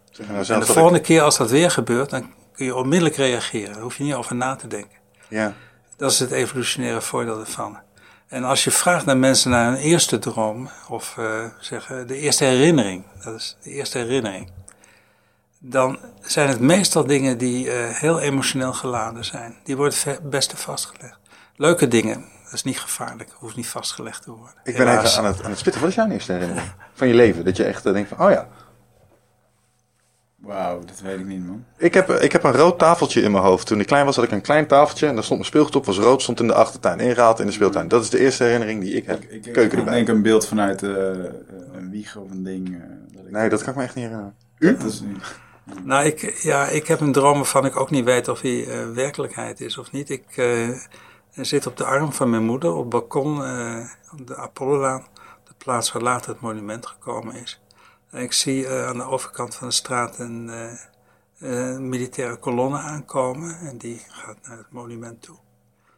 En ik beschreef dat aan mijn ouders, die zeggen dat kan je niet, dat kan je niet weten, dat kan je niet hebben gezien, want je was toen één jaar oud en dat was de later, dat was Eisenhower die langskwam. Maar het is wel gebeurd. Ja, ja. zoals ik het beschrijf. En ik heb er geen foto's van gevonden of gezien of zo. Ik weet niet, uh, ja. Het is zo moeilijk om te verifiëren of dit een echte herinnering is of niet. Een, een stukje uh, lucide dromen? Ja, lucide dromen zijn dromen waarvan je weet dat het een droom is. Dat je doen kan, dat je kan gaan doen wat je het wil. Het is zo tussen waken en, en uh, slapen in. En je kunt ook weer verder gaan met die droom. Ja. Het, ja. Ja, wij verkopen bepaalde supplementen die dat dus stimuleren. Dus als je gaat slapen, waardoor je meer in die syndroom komt. En als je er een beetje op losgaat op forums in Amerika, dan zijn er dus echt mensen die dit gebruiken om tot dieper inzicht te komen of naar op zoek te gaan naar antwoorden hmm. die volgens hen in dat onderbewustzijn ergens liggen. Ja, ik zou me net afvragen, zit er een therapeutische waarde in lucide dromen wellicht? Ik zou het niet weten. Kijk, dit soort dingen uh, is geen goed onderzoek naar gedaan. Nee. Dus daar kun je geen verstandig antwoord op geven. En er zijn mensen die prachtige verhalen over vertellen. En er zijn mensen die er doodziek van worden. En ja. het, uh, je moet eerst goed gecontroleerd, uh, placebo gecontroleerd, blind onderzoek, dubbelblind onderzoek gedaan hebben. Wil je iets verstandigs over kunnen zeggen. En er wordt van alles verkocht waarvan ik denk van...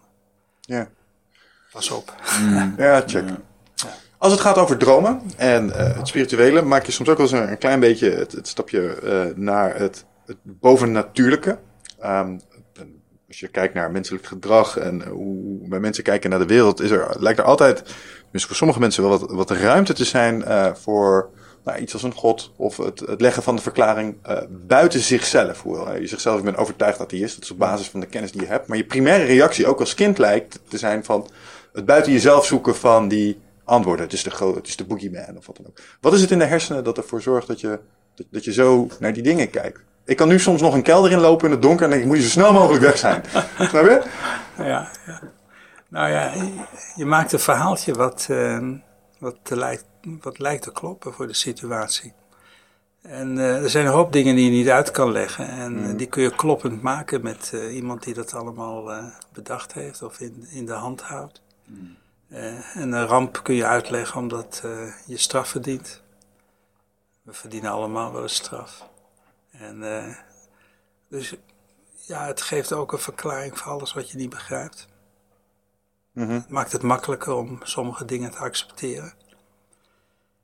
Dus als ik een probleem heb, moet ik het zelf oplossen. En anderen die kunnen hulp vragen van boven. Mm. Ja. Is dat ook een reden waarom wij als mensen zo gebonden zijn aan het vertellen van verhalen? En waarom verhalen zo uh, ja, behulpzaam kunnen zijn voor ons? We maken de hele dag door verhaaltjes, ja. Het brein probeert alles logisch en kloppend te maken. Ja. Mm.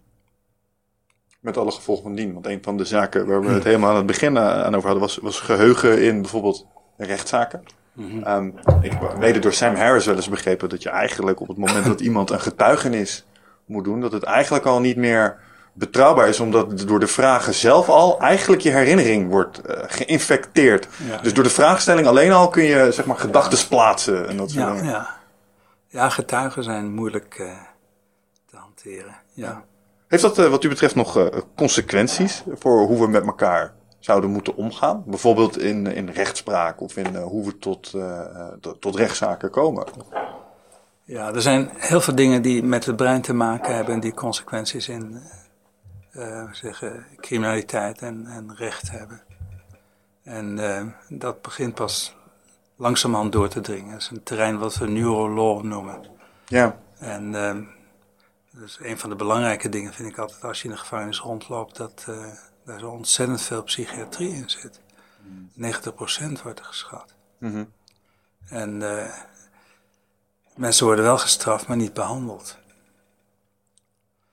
Um, het feit dat je beslissingen onbewust neemt uh, en pas later begrijpt wat je aan het doen bent, uh, speelt natuurlijk ook een belangrijke rol daarbij. Ja. Um, genetische achtergrond. Uh, dus er zijn de studies bij extreem agressieve gevangenen die laten zien dat er bepaalde polymorfismen, dus kleine verschillen in het DNA in voorkomen. Ja. Nou, daar ben je mee gezegend de rest van je leven. Nou, de vraag is dan inderdaad, wat zijn de, wat zijn de consequenties die je daar mag verbinden voor iemand? Het voorbeeld dat we in de podcast wel eens hebben aangehaald is, en dat voorbeeld zul je ongetwijfeld kennen, een meneer met een tumor aan de voorkant van zijn hoofd die sterk pedofiel uh, wordt op zo'n moment. Ja. En op het moment dat de tumor wordt bestreden, gaat die pedofilie weg en ja. de tumor komt terug en het is er weer. Ja. Mag je zo'n meneer dan vervolgens in de, in de bak stoppen voor wat hij heeft gedaan? Ja, ik Absoluut persoonlijk niet, niet nee, zegt nee, u. Nee. Maar hij heeft wel daadwerkelijk schade berokkend. Ja. Maar um, hij is daar absoluut niet verantwoordelijk voor. Um, en je kunt, als je een goede advocaat bent, kun je die verantwoordelijkheid kun je natuurlijk uh, wegstrepen bij iedereen. Mm -hmm. En als ik over deze onderwerpen praat, dan zijn er altijd mensen die uh, boos worden en zeggen: ja, als niemand verantwoordelijk is voor de daden, dan uh, ben je dus tegen het straffen van mensen en uh, dan Ja. kan iedereen zijn gang gaan. En dat is niet zo, want we zijn sociale dieren. En um, iedere maatschappij kan alleen maar functioneren als er regels zijn die gehandhaafd worden. Mhm. En als je in de apenmaatschappij kijkt, dan worden die regels gehandhaafd omdat een volwassen aap erop loslaat als een kleine aap zich er niet aan houdt. En zo leren ze het.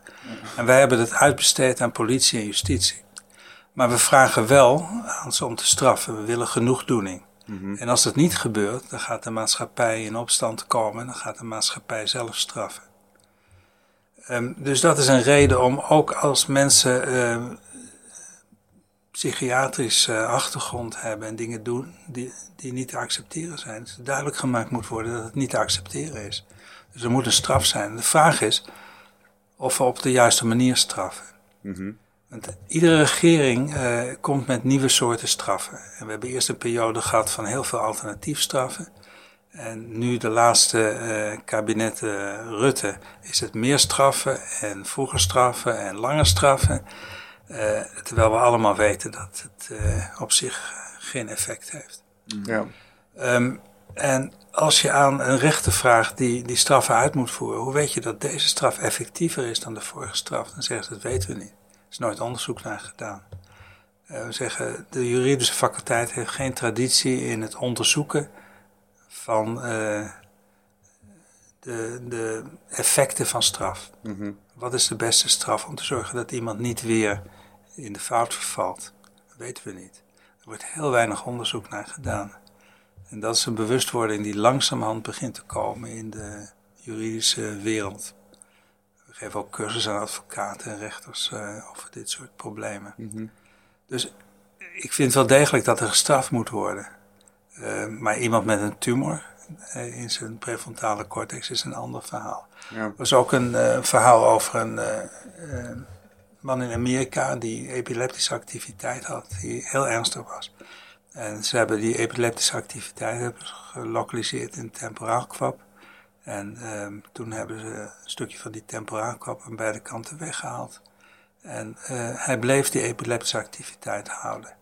En daarna hebben ze een tweede operatie gedaan, een groot stuk weggehaald. En toen waren al zijn remmingen waren verdwenen. Hm. Hij was de hele dag bezig om achter zijn eigen vrouw aan te rennen.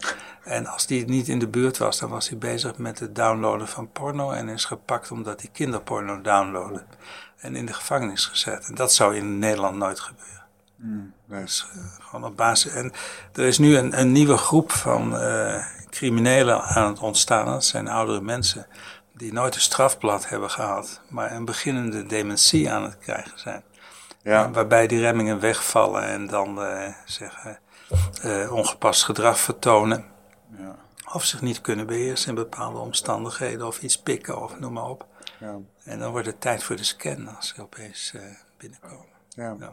Denk je ook dat er mensen eh, nu vastzitten die eh, in situaties zijn gekomen die potentieel anders zouden zijn, uitgepakt voor ze als ze op een juiste manier behandeld zouden zijn, maar dat nu niet echt krijgen omdat er zo'n taboe kleeft op de breinziekte?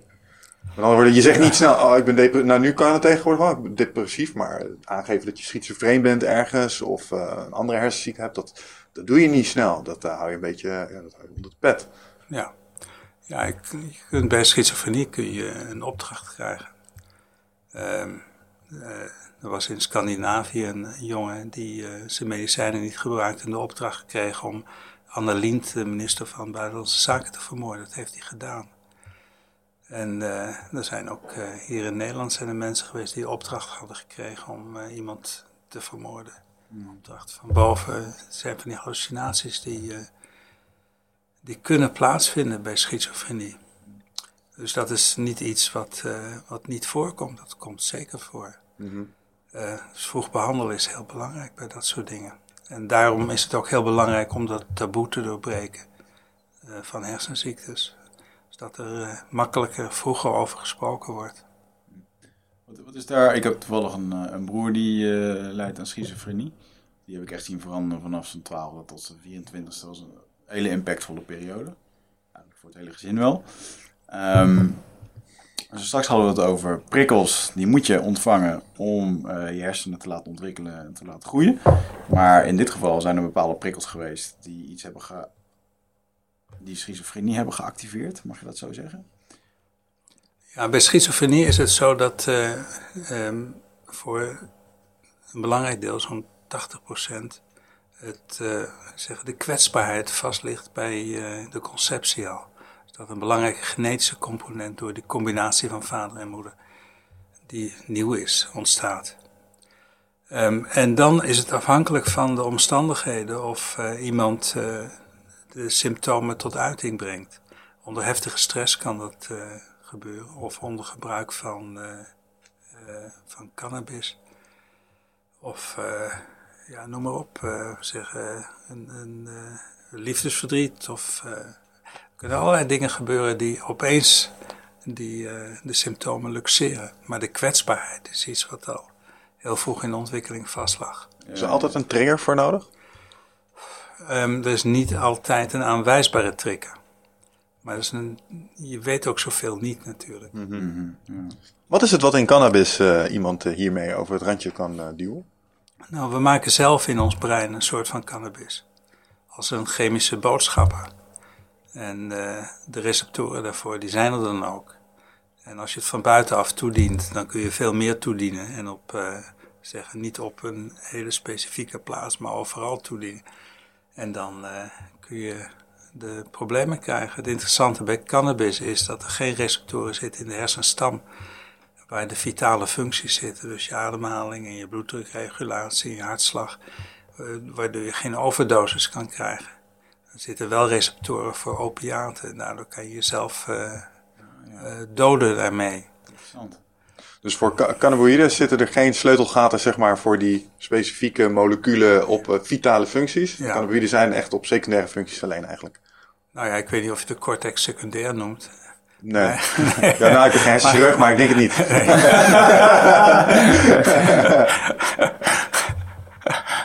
Oké. Nou ja, met name omdat ehm, eh, bij mij is ook wel eens eh, CBD is tegenwoordig eh, een, een hip supplement. Dat wordt uit eh, cannabis gehaald. En het, schijnt allerlei, het wordt allerlei ehm, hele goede eigenschappen toegedicht. Ook voor je zenuwstelsel en voor het herstel van allerlei systemen. En een belangrijk onderdeel daarvan, wat mensen dan graag aanhalen als ze daarover spreken, is dat er blijkbaar in je lichaam een systeem zit dat er bijna voor ontworpen lijkt om met die specifieke middelen in interactie te gaan staan. Maar ik hoor je eigenlijk zeggen, dat is omdat je het endogeen hebt. Je hebt het ook Ja. in je zitten. Ja, en dat geldt voor alle verslavende stoffen. Oké, dus... Oh. Ja, anders werkt het niet. Dus je hebt Interessant, of, om, eh, dat er dan stoffen aanwezig zijn die daar weer precies interacties mee aan kunnen gaan. Ja. Dus je moet receptoren hebben, anders is een hersencel er niet gevoelig voor. Denk je dat die receptoren er, ehm, zeg maar, die interacties die we daar vanuit onze eigen ehm, ja, moleculen die daar zeg maar op inspelen. Um, en het feit dat ze zo goed na te bootsen zijn. Dus uh, er zijn allerlei middelen in moeder natuur die soortgelijke dingen doen en die gunstige interactiemiddelen hebben. Pijnstillers zijn een mooi voorbeeld. Um, wel heel mooi, heel toevallig. Zijn wij zo ontwikkeld om die interacties aan te kunnen gaan? Was dat evolutie? Zeg maar, door uh, als je bepaalde dingen eet, bijvoorbeeld wilgen, dat, uh, dat schijnt pijnstillend te werken. Stel, je kan dat verwerken op die manier. Is, is dat op die manier gegaan? Dat we zo... Nee, ik denk, ik denk dat het juist andersom is gegaan. Dat je, je hebt het systeem nodig om pijn te stillen. Mm -hmm. Als je het niet hebt, zou je stapeldol worden. En uh, de natuur heeft natuurlijk een, een beperkt aantal mogelijkheden om stoffen te maken. Dus als je kijkt naar de chemie van een uh, bacterie of de chemie van een hersencel, dan uh, zitten er zo ongelooflijk veel identieke elementen in. Mm. En dat is dus allemaal terug te voeren op het begin van de evolutie, waar uh, die hele machinerie ontstaan is. En natuurlijk vind je ook in de natuur, in planten vind je ook vaak dezelfde stoffen als wij maken. Mm -hmm. Er zijn, in China zijn er kruiden die gebruikt worden in de traditionele Chinese geneeskunde bij mensen die slaapstoornissen hebben. Als je dan kijkt wat erin zit, er zit heel veel melatonine in. Dat maken we zelf ook als een slaaphormoon. ja, ja, ja, Dus in de natuur vind je diezelfde stoffen terug. Ja, waarom ik er een beetje op kwam, is omdat ik me afvroeg of er ook systemen buiten ons zijn in moeder natuur die misschien hebben geleerd om gebruik te maken van ons mens, zoals bijvoorbeeld parasieten dat doen. Ik ben laatst iets op het spoor gekomen. Toxoplasmose, ik weet niet of je wat zegt. Ja, toxoplasmose. Ja, dat, dat schijnt vanuit hm. katten. Je hebt een kat. Ja. Waarschijnlijk ben jij. Jonge katten, ja. Ja, hoe zit dat precies? Wat, wat is het exact? Nou, het, uh, het is iets wat je kan infecteren. En uh, het komt voor bij jonge katten en in vlees wat uh, rauw gegeten wordt. Mm. En het kan ook het brein binnendringen en schade geven daar. Ja. Um, maar ja, dat geldt natuurlijk voor zoveel bacteriën en virussen ook. Ja, oké, maar het, was, uh, het kwam met, na, met name bij mij even op de radar omdat iemand aangaf van, joh, uh, je wil niet weten hoeveel mensen naar alle waarschijnlijkheid die katten hebben die uh, ermee geïnfecteerd zijn. En het schijnt interacties te hebben die ervoor zorgen dat je gedrag in sommige opzichten aangepast wordt. Je zou risico, risico-opzoekend gedrag zou je gaan vertonen. En het verhaal is dat muizen die ermee geïnfecteerd zijn, die gaan proactief, zijn niet meer bang voor een kat. Met andere woorden, de kat kan ze vervolgens gewoon makkelijker, zeg maar, vangen. Maar dat, zijn geen, dat is geen informatie die u iets zegt. ja, nou ja, het, uh, bij, bij ieder uh, hersenziekte, of het nou infectie is of een andere hersenziekte, vind je een vermindering van functies die belangrijk zijn voor het overleven of voor de voortplanting. Mm -hmm. En uh, dit is dan een voorbeeld daarvan. Mm. En, ik denk niet dat er een hogere bedoeling aan zit. Dus iedere keer als er iets ont, uh, schade in het brein ontstaat, zie je dat er uh, een negatief effect aan zit. Zit er een hogere bedoeling aan het leven volgens u? Uh, nee, ik, ik, denk dat het bij toeval is ontstaan en dat het geen hogere bedoeling heeft. Nee. Het, als het eenmaal is ontstaan, dan is het kenmerk van leven dat het probeert om in leven te blijven. Mm -hmm. Dus uh, dat zie je ook. Mensen in krankzinnige omstandigheden in de natiekampen toch nog in leven probeerden te blijven. Mm -hmm. het, uh, maar je ziet het ook bij een, uh, een bacterie die, die kruipt naar, naar eten toe, maar kruipt van toxische stoffen af. En, dat is, en, en ieder vorm van leven die die eigenschap niet had, die is verdwenen is mm. natuurlijk nodig om uh, in leven te blijven, die eigenschap. Een, een mooie uh, filosofische gedachte zoals uh, wij hebben bewustzijn omdat we het universum zijn dat zichzelf moet beleven, zeg maar. Want als wij er niet waren om het te kunnen zien en mee te maken, dan wordt het niet galig geslagen. Dat soort ideeën. Denkt u daar wel eens over na? Of Maar, maar wie zou dat zo bedacht hebben? Ja, dat is dan een grote vraag natuurlijk weer. Hè? Eh, Ik, vraag me wel eens af eh, eh, wat voor antwoorden hierop zouden komen. Toen u het er straks had over groepen doen het het best als ze een gemeenschappelijke tegenstander hebben. Ja. We hebben dus gezegd, het beste wat de mensheid zou kunnen overkomen is als we erachter komen dat er een paar planeten verderop ook iets zit, zeg maar. Iets gevaarlijks, ja. Het gevaarlijkst. ja Ik denk dus niet, want dan kunnen we het z'n allen mooi samenklikken. Ja, als er iets gevaarlijks Ja, zo, is, ja, dan, dan kom je allemaal bij elkaar. Eh, ja. Gelooft u wel Ja. daar, eh, denkt u dat daar ruimte voor is voor ander leven daarbuiten? Want het is best wel Ja, complex. je- ja, het is gewoon op statistische basis is het niet meer dan logisch dat er elders ook leven is. Ik Mhm. weet niet hoe ver dat weg is en of we het ooit zullen bereiken. Het hoeft niet dezelfde vorm van leven te zijn. Eh, het kan een ander begin hebben gehad, waardoor eh, zeg, die vorm van leven een eh, hele andere richting heeft genomen. Het zou mooi licht kunnen zijn, bij wijze van spreken. Dat is wel eens een discussie, ik gezien. Dat gewoon een andere levensvorm in de vorm van licht is. Fonetische levensvorm. Eh, ja, maar eh, dan is de vraag van wat noem je leven? Hè? Het, eh, het moet zijn eigenschappen eh, voort kunnen eh, planten. Ehm, Celdeling is een belangrijke volgens mij. ja, het moet informatie eh, kunnen vergaren en, en vast kunnen houden. Ik weet niet of dat in licht kan, maar eh, dat zijn al die. Dan ga ik ver buiten mijn vak. Ja, ja, ja. Dat moet ik niet doen. Ja. Nou, waarom het ook wel interessant is om over, over na te denken is, eh, als je kijkt naar mensen op een afstand en wat de, mes, eh, wat de hersenen doen, is in toenemende mate complexiteit vergaren. Als je kijkt naar wat mensen doen, en we kijken naar het allereerste begin, we zijn met name kennis aan het opbouwen en complexiteit aan het opbouwen heen. Onze maatschappij wordt steeds complexer en dat soort dingen. Maar ik las in het boek ook ergens dat de evolutie van de hersenen ehm, enigszins gestopt lijkt, omdat we aan drie voorwaarden niet langer voldoen. En ik was even Je hebt het goed gelezen. ja, wat zijn, wat zijn die voorwaarden dan? En wat betekent dat voor de toekomst? Want wat verwacht u van de ontwikkeling van de hersenen als we kijken naar dingen als eh, social media en de interconnectiteit die we met z'n allen nu hebben? Ja, voor evolutie eh, heb je nodig ehm, eh, dat er voortdurend variaties ontstaan. En Die ontstaan bijvoorbeeld omdat we blootstaan aan straling vanuit het heelal. En er wordt dus, eh, worden stukjes eh, kapot geschoten. in Echt mutaties? Ja. Oh. En een hele enkele keer levert zo'n mutatie een bijzondere eigenschappen op. Is dat echt de reden van een mutatie? Dat er, eh, zeg maar, kosmische straling gewoon stukjes van je genen afschiet? Dat is een van de redenen. Andere zijn genetische, eh, zijn chemische stoffen die ook een mutatie kunnen veroorzaken. Maar je moet variatie hebben. Dat zijn die mutaties. En, en dan moet je isolatie hebben. Je moet dus een groep van mensen hebben die eh, tussen de bergkammen leeft, leeft en eh, in een geïsoleerde groep. En die moet opeens aan een ramp blootstaan. Waardoor mensen die bepaalde nieuwe eigenschappen hebben, die mutaties, de kans krijgen om eh, zich voor te planten en de rest gaat dood. Ah. Dat is de manier waarop we geëvalueerd zijn. De voortdurende wisselingen in het klimaat in Afrika. En de isolatie in eh, bepaalde gebieden. Nou, die isolatie die is er niet meer. En dat soort rampen eh, ontstaan ook niet meer. Waarbij er een paar eh, mensen met een bijzondere eigenschap overblijven. En, maar dat wil niet zeggen dat we stilstaan als mensen, omdat we ons eh, steeds meer specialiseren, steeds meer samenwerken, taken verdelen. En daardoor ook eh, heel ver kunnen gaan in het ontwikkelen van nieuwe dingen. Dus ehm we hebben, bovendien, die, zeg, de evolutie is natuurlijk een ongelooflijk langzaam proces. Ja. En eh, de, de cultuur, de culturele ontwikkeling, culturele revolutie is een heel snel eh, proces. Gaan we daar eh, in de problemen komen, denkt u? Want, want terecht, evolutie gaat over miljoenen jaren. Als je kijkt naar de cultureel-sociale technologische ontwikkeling. Ik denk dat technologie een belangrijke driver is voor die eerste twee. Zie je exponentiële groei. Ik denk dat daar in toenemende mate een afstand, een kloof begint te ontstaan. Wat verwacht u daarvan in de toekomst? Ja, er wordt altijd weer gewezen op de enorme gevaren en die zijn er natuurlijk. Het mag ook een mooi Als verhaal je- zijn, hè? ja. Het leuk zijn.